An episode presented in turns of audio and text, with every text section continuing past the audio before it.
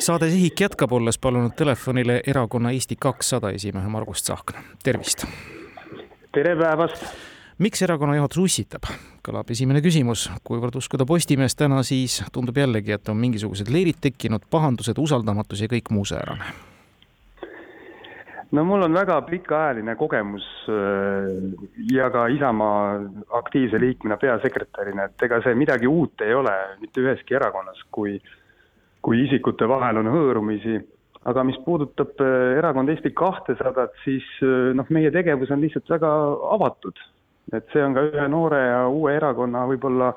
tunnus, et äh, kõik ka omavahelised asjad ongi avalikud, noh kindlasti see erakonna kuvandile head ei tee, aga noh, see on see meie, meie selline kultuur. aga kui me vaatame sisuliselt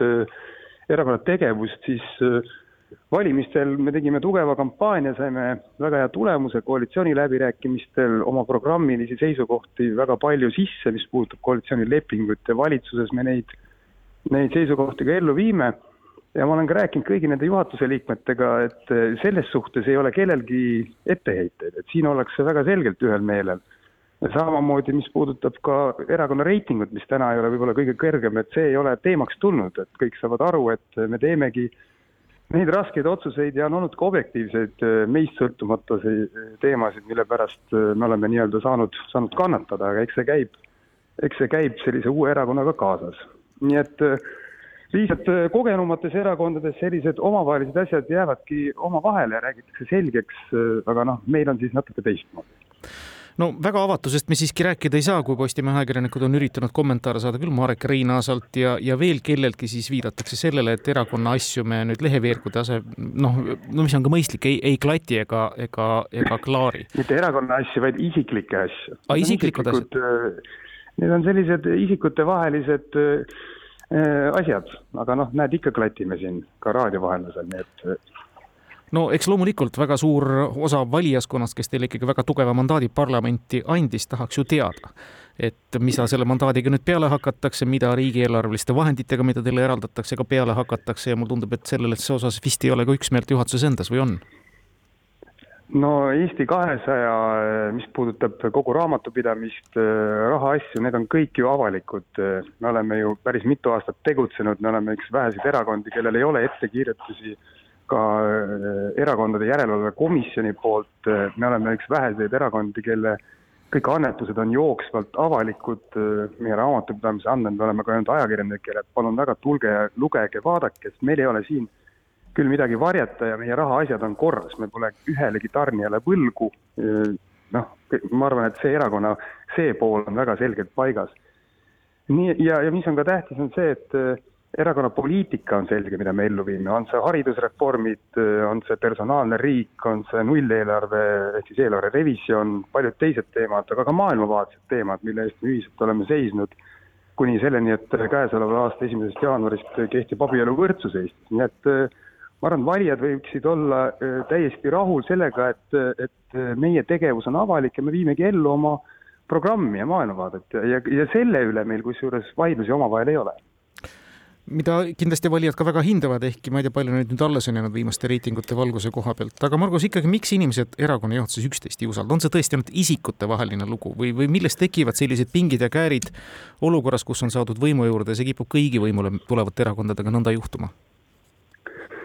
ma arvan, et see ongi sügavalt eh, isiklik eh, küsimus eh, nendele inimestele, nendele vähestele kusjuures, kes võib-olla on millegi suhtes ebarahul ma ei oskagi öelda, ma olen kõigi inimestega ju suhelnud ja suhtlen ka edasi, et äh, võib-olla on ambitsioon isiklik kõrgem, võib-olla on mingi muu rahulolematus, võib-olla avastatakse, et poliitika tegemine ei ole nii lihtne, kui see eemalt äh, seisjana tundub, nüüd olles ise keset seda kõike. aga ma olen selles mõttes erakonna esimehena nagu rahulik, et ma olen näinud päris konflikte erakondades ja ma olen ise olnud seal ka osaline, mis puudutab äh, vanat IRL-i, kui te mäletate, siis seal on olnud neid päris Isamaa sõdu ikka korralikult, et noh, need olid maailmavaatelised võitlused, et täna, mis puudutab Eesti kahtesadat, need on sellised äh, noh, ütleme, isikutevahelised ebakõlad ja ma arvan, need on võimalik äh, omavahel selgeks rääkida Te olete väga kogenud riiklik lepitaja, omal ajal olete lepitanud riiki, arsti, tööandjaid, haiglaid omavahel, meenutame noh, mida kõike veel. kas annab siis ka neid isiksusi a la Marek Reinaas ja Kalev Stoicescu omavahel lepitada? muuseas, ma ei ole täheldanud, et Marek Reinaas ja Kalev Stoicescu oleks kuidagi omavahel konfliktis, et äh, pigem ma ei oskagi nagu öelda, et eks inimesed peavadki laua taha istuma ja järgmine nädal meil selline plaan niikuinii on kõigi oma fraktsiooni juhatuse ja ka erakonna töötajatega, et äh, kui kellelgi on mingeid konkreetseid küsimusi, need saavad vastused, kui kellelgi on mingeid etteheited, siis neid on saanud alati ju välja öelda, et noh eks see ongi selline natuke nõutu olukord, eh, nagu, nagu te ise ka ütlesite, et mul on see pikaajaline kogemus, et erakonnad on, nad on sellised demokraatlikud organisatsioonid ja ja üks suur osa sellest kõigest on ka erakonna nagu bränd ja nägu, mis välja paistab. Ja paratamatult ega tuleb ka tunnistada, et eh, eks need on ka võib-olla sellised kasvuraskused, mis Eesti kahesajal on, sest et eh, ühe korraga juhtus ju hästi palju, et me tegime väga hea tulemuse, saime korraliku mandaadi, tõepoolest ma mitte ei kiida Eesti kahtesadat, aga vaadates täna koalitsioonilepingut, siis need suured reformid kõik on ju tegelikult äh, väga paljuski Eesti kahesaja programmist tulenevad ja need on väga aktuaalsed, eriti praeguse kriisi ajal.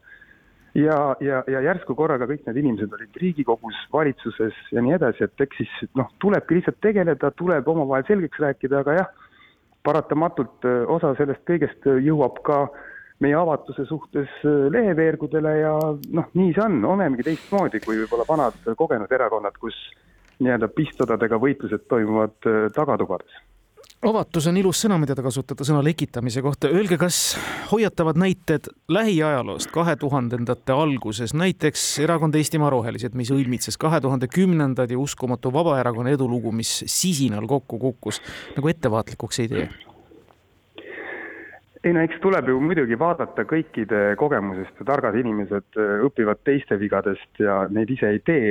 Äh, et aga noh, seal on suur vahe selles, et Eesti kahesajal ikkagi on väga selge programm, väga selge koalitsiooni programm, mis on kokku lepitud, me viime neid eesmärke ju praktiliselt ellu,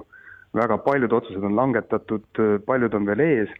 Ehk siis siin ei saa nagu üks-ühele paralleele tõmmata, aga igas organisatsioonis on oma kasvuraskused ja eks see osaliselt siin on ka täna Eesti kahesajal, aga no ma arvan, et Eesti kahesajas peitub ikkagi väga suur potentsiaal, kuna me ei tekkinud lihtsalt äh, nii-öelda üleöö, vaid ikkagi me olime nii-öelda Riigikogust väljas, kui me tegime kõvasti tööd oma programmiga ja teiseks, kui vaadata meie näiteks fraktsiooni koosseisu, Äh, ja ka ministreid, vaadata Kristina Kallast, Tiit Riisalat, ma iseennast ei hakka siin esile tooma, siis need inimesed on oma valdkonna eksperdid, et nad teavad tegelikult nende teemade sisusid ja, ja see ongi see koht, kuhu see tähelepanu peaks minema. Margus, erakonna esimehena te olete ka välisminister, kes peab pidevalt lennus olema rahvusvahelisi asju, eriti tänasel julgeolekukriisi ajastul väga kõvasti ajama ja Eestit sellega väga tugevasti pildis hoidma, mida te ka teete. kas maksate selle võrra siis ka lõivu nüüd erakonna juhtimisele, olles lasknud nüüd jällegi inimesed omavahel tülli minna? no vaadake, erakonna esimees eh, juhib erakonda eelkõige poliitiliselt ja, ja, ja laiemalt ja ma olen selles mõttes ikkagi väga palju kohal ja kõigiga pidevalt suhtluses. Aga kui eh, on näiteks isikutevahelisi probleeme, siis ega siin ka lõpuks erakonna esimees ei saa olla nii-öelda